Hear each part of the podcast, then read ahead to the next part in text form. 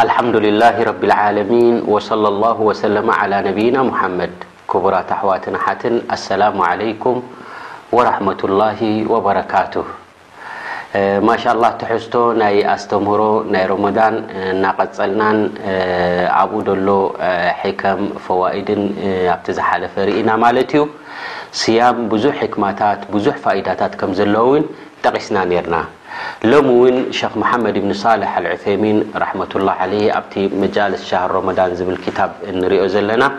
እንታይ ይብል ኣሕዋተይ ይብል እዕለሙ ኣነ ሊስያም ኣዳበን ከሲራ ነዚ ጾም እዚ ብዙሕ ስርዓታት ብዙሕ ኣዳብ ኣለዎ ላ የቲሙ ኢላ ቢሃ ወላ የክሙሉ ኢላ ቢልቅያሚ ቢሃ እዚ ጾም እዚ ንጾሞ ዘለና ምሉእ ክኸውን ኣይክእልን እዩ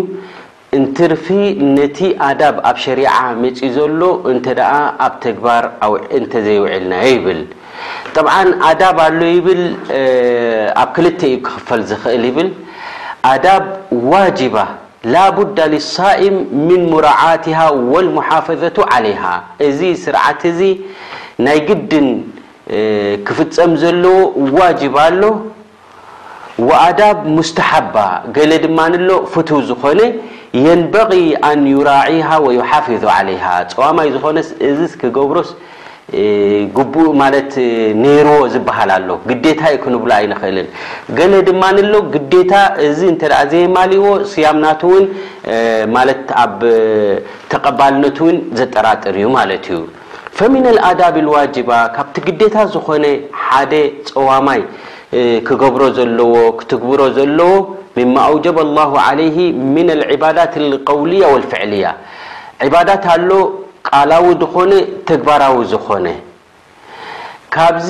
እዚ ተግባራውን ቃላውን ዝኾነ ዕባዳታት ናይ ግድን ክትግበር ዘለዎ ዕባዳ ኣሎ ዋጅብ ዝኾነ ወሚን ኣሃሚሃ ካብቲ ኣገዳሲ ዝኾነ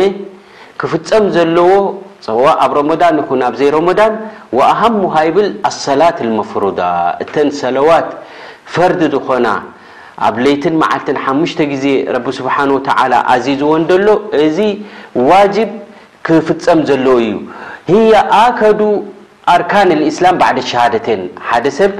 ካብ ዘይእስልምና ናብ እስልምና ንክኣቱ ሸሃዳ ይገብር፣ ኣሽሀዱ ኣን ላኢላሀ ኢለላህ ወኣሽሀዱ ኣነ ሙሐመደን ረሱሉላህ ኢሉ ኣብ እስልምና ይኣቱ። ኣብ እስልምና ምስ ኣተወ ኣከድ ቀንዲ ክስራሕ ዘለዎ ተግባር መለለዪ ናይ ኣስላማይን ናይ ዘይኣስላማይን ዝኾነ ተግባርን ቃላዊ ዝኾነን ድፍጸም ዒባዳ እንታይ እንተድኣ ተባሂሉ፣ ሁወ ሰላት።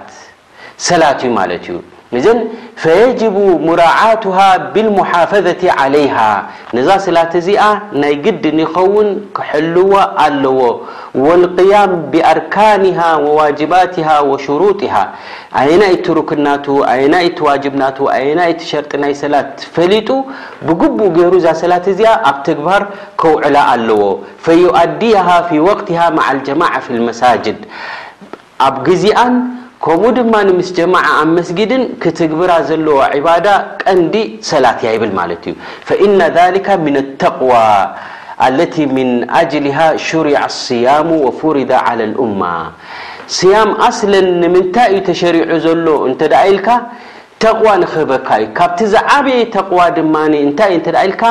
ነዛ ሰላት እዚኣ ምሕላው እዩ። ፍርሒ ረቢ ኣለዎ፣ ተቕዋ ኣለዎ ክንብሎ እንተ ኮይንና ሓደ ሰብ፣ ሰላቱ ዝሕሉ ክኸውን ኣለዎ ማለት እዩ። ወኢዳዓቱ ሰላት ሙናፊን ሊተቕዋ፣ እንተ ሰላቱ ዘጥፍእ እንተ ኮይኑ ሰብ፣ ሰላቱ ዘጉድል እንተ ኮይኑ፣ እዚ ንተቅዋ ድጻረር እዩ ተቅዋ ኣለዎን ክንብሎ ኣይንክእልን ኢና ወሙጅቡን ልልዕቁባ በል ንዕቃብ ናብ መቅጻዕቲ ናይ ረቢ ዝጋለጽ ዘሎ ሰብ እዩ ማለት እዩ ምክንያቱ ሰላት ሓደ ዓቢ ሩኩን ምን ኣርካን ልእስላም እዩ ወልዛሊክ ኣብ ሱረት መርየም ኣላሁ ዓዘ ወጀል ነቶም ኣንብያ ዝነበሩ ናታቶም ታሪክ ምስ ገለጸ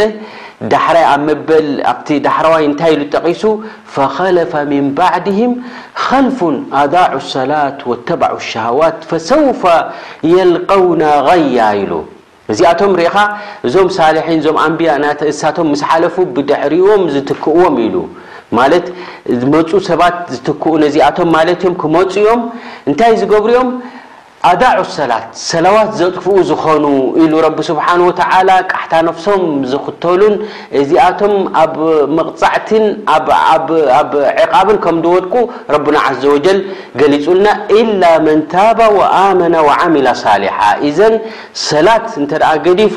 ኣብ ምንታይ የጋልጸካ ኣሎ ማለት እዩ ኣብ መቕጻዕቲ ናይ ረቢ እዩ ዘውድቐካ ዘሎ ማለት እዩ ኢላ ተውባ ኢሉ ክምለስ ኣለዎ ኣብ ሰላቱ ክሰግድ ኣለዎ ማለት እዩ። ኢዘን ካብቲ ዝዓበየ ኣብ ሮመዳን ክንትግብሮ ዘለና ዒባዳ እንታይ እንተ ተባሂሉ ኣልሙሓፈዛ ዓለ ሰለዋት ማለት እዩ። ሰላት ክትሕልው ኣለካ ማለት እዩ። እንተኾነ ግን ገለ ገለ ጸወምቲ ተባሂሎም የተሃወኑና ቢሰላት ኣልጀማዓ ይብል ኣብ ሰላት ኣልጀማዓ ሸለል ድብሉ ኣለዉ መዓኑ ዋጅብ እንከሎ ሰላት ኣልጀማዓ ንኽትሰግድ ዋጅብ እዩ።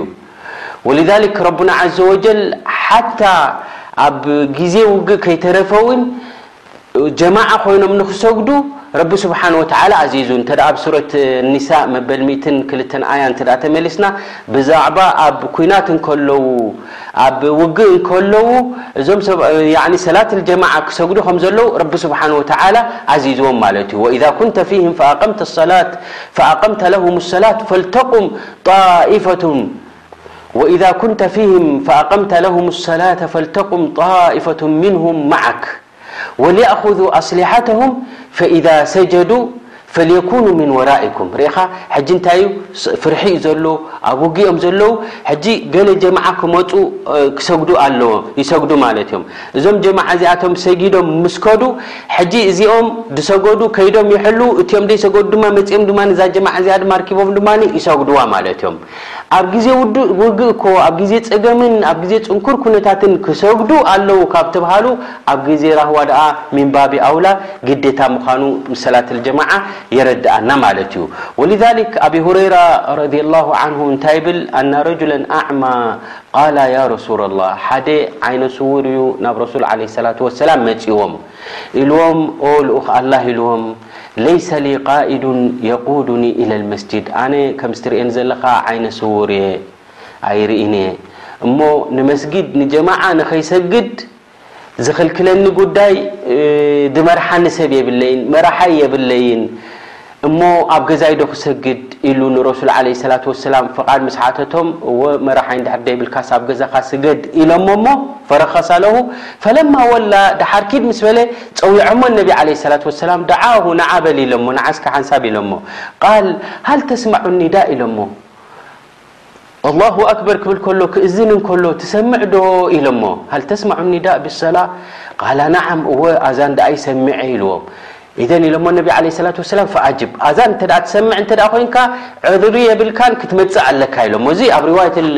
ሙስሊም ወነሳኢ ዝርከብ ሓዲስ ማለት እዩ ዓይነ ስውር እየ ክእለት የብለይን ዝመርሓኒ የብለይን እናበሎም ኣዛን እናሰማዕካ ኣብ ገዛኻ ኮይንካ ክሰግድ ኣይፍቀደካን ኢሎም ኣነቢ ዓለይሂ ሰላቱ ወሰላም ፈለም ዩረኽስ ለሁ ኣየፍቀዱሉን ማለት እዮም ፊ ተርክ ልጀማዓ ስለዚ እምበኣረይ እቲ ሰብ እንተ ክእለት ኣለዎ ኮይኑ ክልተ እግሩ ገይሩ ዝኸይድ እንተ ኮይኑ ጥዕና ኣለዎ እንተ ኮይኑ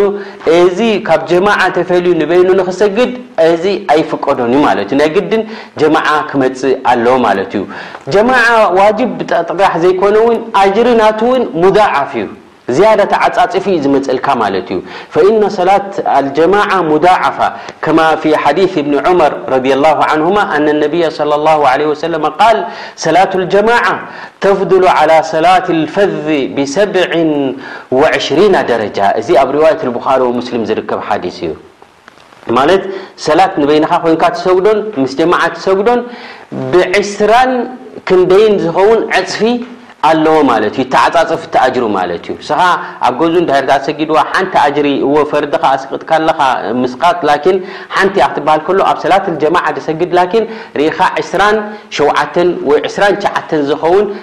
ኣጅሪ ይበልጽ ኣሎ ማለት እዩ።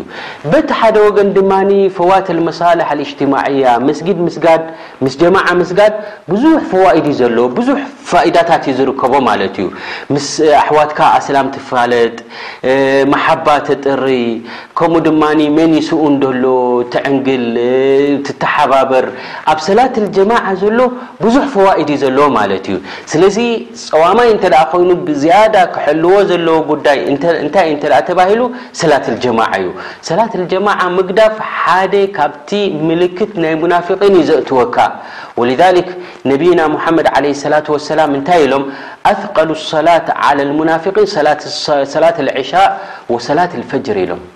እቲ ዝኸበደ ሰላት ነቶም ሙናፊቒን ሰላት ኣልዕሻእን ሰላት ኣልፈጅርን ኢሎም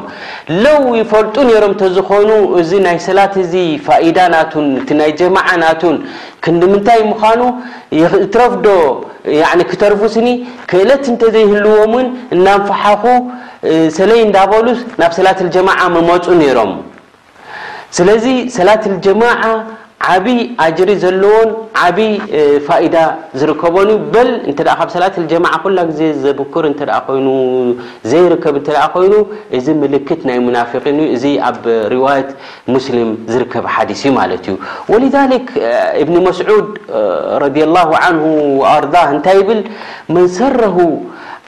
ኣን የልቃ ኣላሃ ገደ ሙስሊማ ፈልዩሓፍዝ ዓላ ሃኡላኢ ሰለዋት ኢሉ እንተ ደኣ ጽባሕ ንግሆ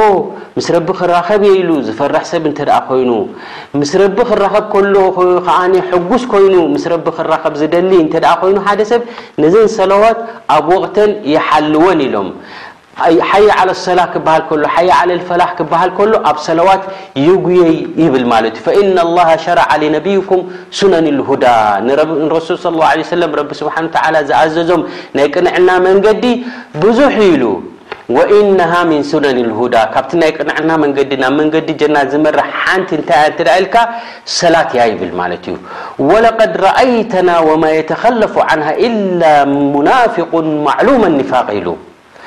ካብ ሰላት ኣልጀማዓ ኣብ ግዜ ረሱል ዝተርፍ ሰብ ኣይነበረን ኢላ ሙናፍቅ ማድሕ ሙናፍቅ ተዘይኮይኑ ግልጺ ዝኾነ ኒፋቅ ዘለዎ ተዘይኮይኑ ካብ ሰላት ኣልጀማዓ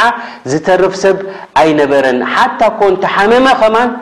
ክልተ ሰባት ተደጊፉ ቀሰይ እናበለ ሰለይ ኢሉ ኣብ መስጊድ ኣትዩ ምስ ጀማዓ ኢና ድሰግዱ ነይሮም ይብል ማለት እዩ እዘን ሰላት ኣልጀማዓ እዚ ክሕሎ ዘለዎ ብዓብዩ ድማ ሰላት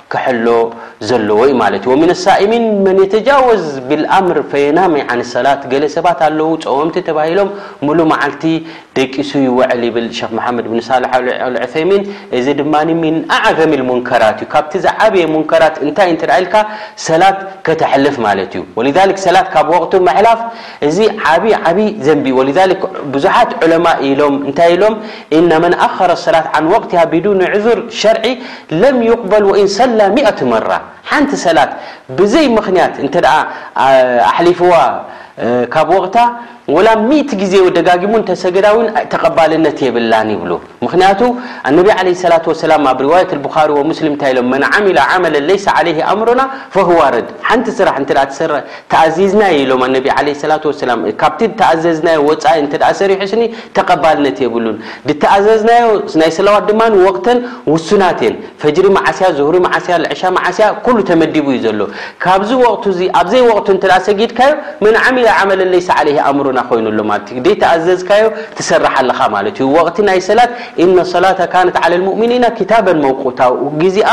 ውሱን ምዱብ እዩ ማለት እዩ። ኣብቲ ግዜኣ ክስገድ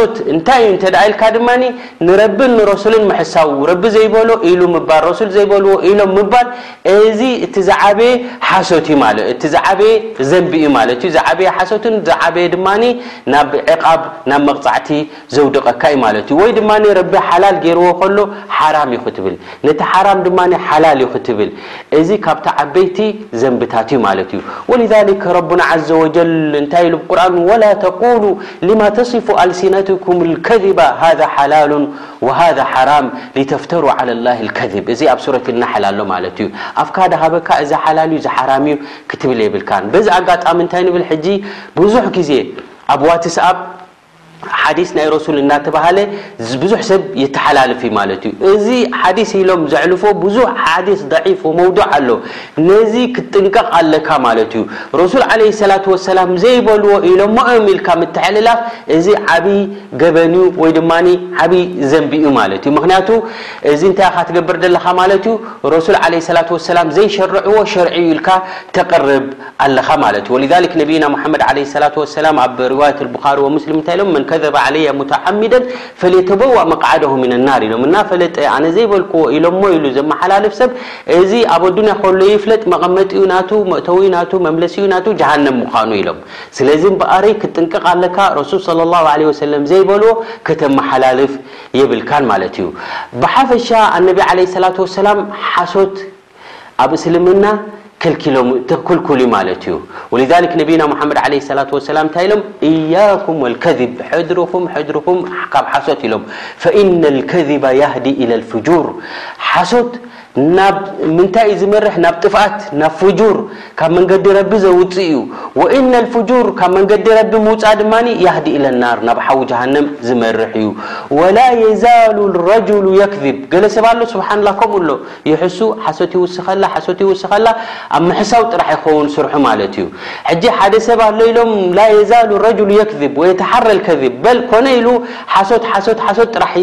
ይብል ማለት እዩ ሓታ ዩክተቡ ዕንደ ላሂ ከዛባ እገለ ወዲ እገለ ሓሳዊ ተባሂሉ ኣብ መዝገብ ናይ ረቢ ይጸሓፍ ማለት እዩ እዚ ኣብ ሪዋየት ሙስሊም ኣሎ ማለት እዩ ስለዚ ሓሶት ኣብ እስልምና ዓቢ ገበን ዓቢ ወንጀል እዩ ማለት እዩ እምበኣሪ ካብ ሓሶት ክትቁጠብ ኣለካ ማለት እዩ ካሊእ ካብቲ ክትቁጠቦ ዘለካ ወይጅተኒቡ ልጊባ ሕሜታ ካብ ሕሜታ ድማ ክትቁጠብ ኣለካ። እንታይ እዩ ሕሜታ? ዚክሩከ ኣኻሁ ኣኻከ ቢማ የክራሁ ፊ ቐይበቲሂ፣ ንሓውኻ ብድጸልኦ ነገር ንሱ ኣብ ዘይብሉ ኣብ ዘይብሉ እዋን ትዛረብ ማለት እዩ። ድጸልኦ ነገር እዩ እገለ እኮ ከምዝን ከምዝን እዩ እገለ እኮ ከምዚ እዩ ዝገብር ክስቶ እኮ ከምዚኣ ትገብር ኢልካ እቲ ድጸልኦ ነገር ምሕማይ ምዝራብ እዚ ዓቢ ዘንቢ ዓቢ ሓራም እዩ ማለት እዩ። ወሊዛሊክ ኣብ ኣካላዊ ይኹን ወይ ንምሳሌ ዕዉር ይኸውን ወይ ሓንካስ ይኸውን ወይ ገለ ጉድለት ይህልዎ ክኸውን ኣብ ኣካሉ በቲ ድጸልኦ ጌርካ ክትዝክር ወይ ድማ ገለ ዓይነት ባህሪ ባህሪ ሕማቕ ይህልዎ ክኸውን ኣብ ኣዛራርብኡ ይኹን ኣካይድኡ ይኹን ብኡ ክትጠቕሶ እንከለኻ እዚ ሕሜታ ኢዩ ማለት ኢዩ ወሊዛሊክ ኣነቢ ዓለይሂ ሰላቱ ወሰላም ሱኢለ ዓን ኣልጊባ፣ እንታይ እዩ እዚ ቂባ እንታይ እዩ እዚ ሕሜታ ምስ ተብሃሉ፣ ሁወ ዚክሩከ ኣኻክ ቢማ የክራህ ኢሎም፣ ንሓውኻ ስኒ ብዝጸልኦ ነገር ክትዝክሮ እዩ እዚ እዩ እቲ ሕሜታ ምስ በሉ፣ ሓደ እንታይ ኢልዎም ያ ረሱሉላህ ኢን ካነ ፊ ኣኺ ማ ኣቁል እታ ዝብላ ዘለኹሲ ዘላ እንተድኣ ኮይና ዘየሎ ኣይኮንኩን እንታ ዝገበራን እንታ ዝበላን እንተድኣ ኣመሓላሊፈ ኸኒ ኢልዎም ቃለ ኢን ካነ ፊህ ማ ተቁል ከምታ ዝበላ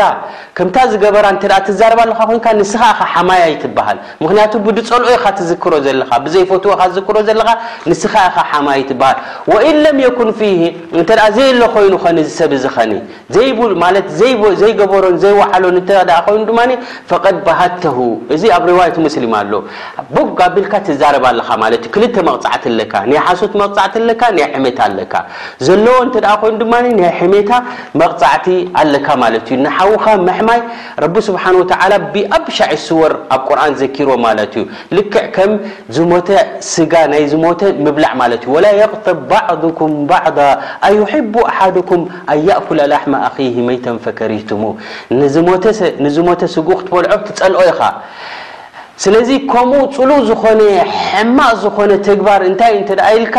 ሕሜታ እዩ ማለት እዩ። ብዛዕባ ሕሜታ ንእሽተይ ኣብ ዝመጽእ ክንጠቅስ ኢና ማለት እዩ። ረቢ ስብሓነሁ ወተዓላ ካብቶም ናብ ቅኑዕ መንገዲ ዝሕብሩን ቅኑዕ ዝዛረቡን ረቢ ይግበረና። ወሰለላሁ ወሰለመ ዓላ ነቢይና ሙሓመድ።